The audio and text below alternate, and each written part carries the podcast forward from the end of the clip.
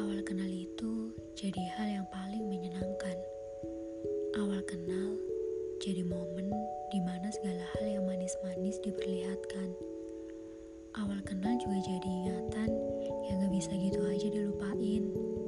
Namun, karena namanya awal, jadi masih memiliki akhir.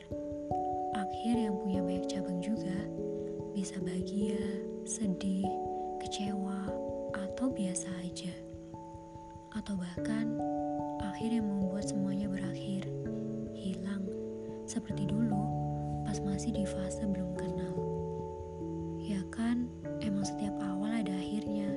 Kalau awalnya asik, bisa aja akhirnya terbalik.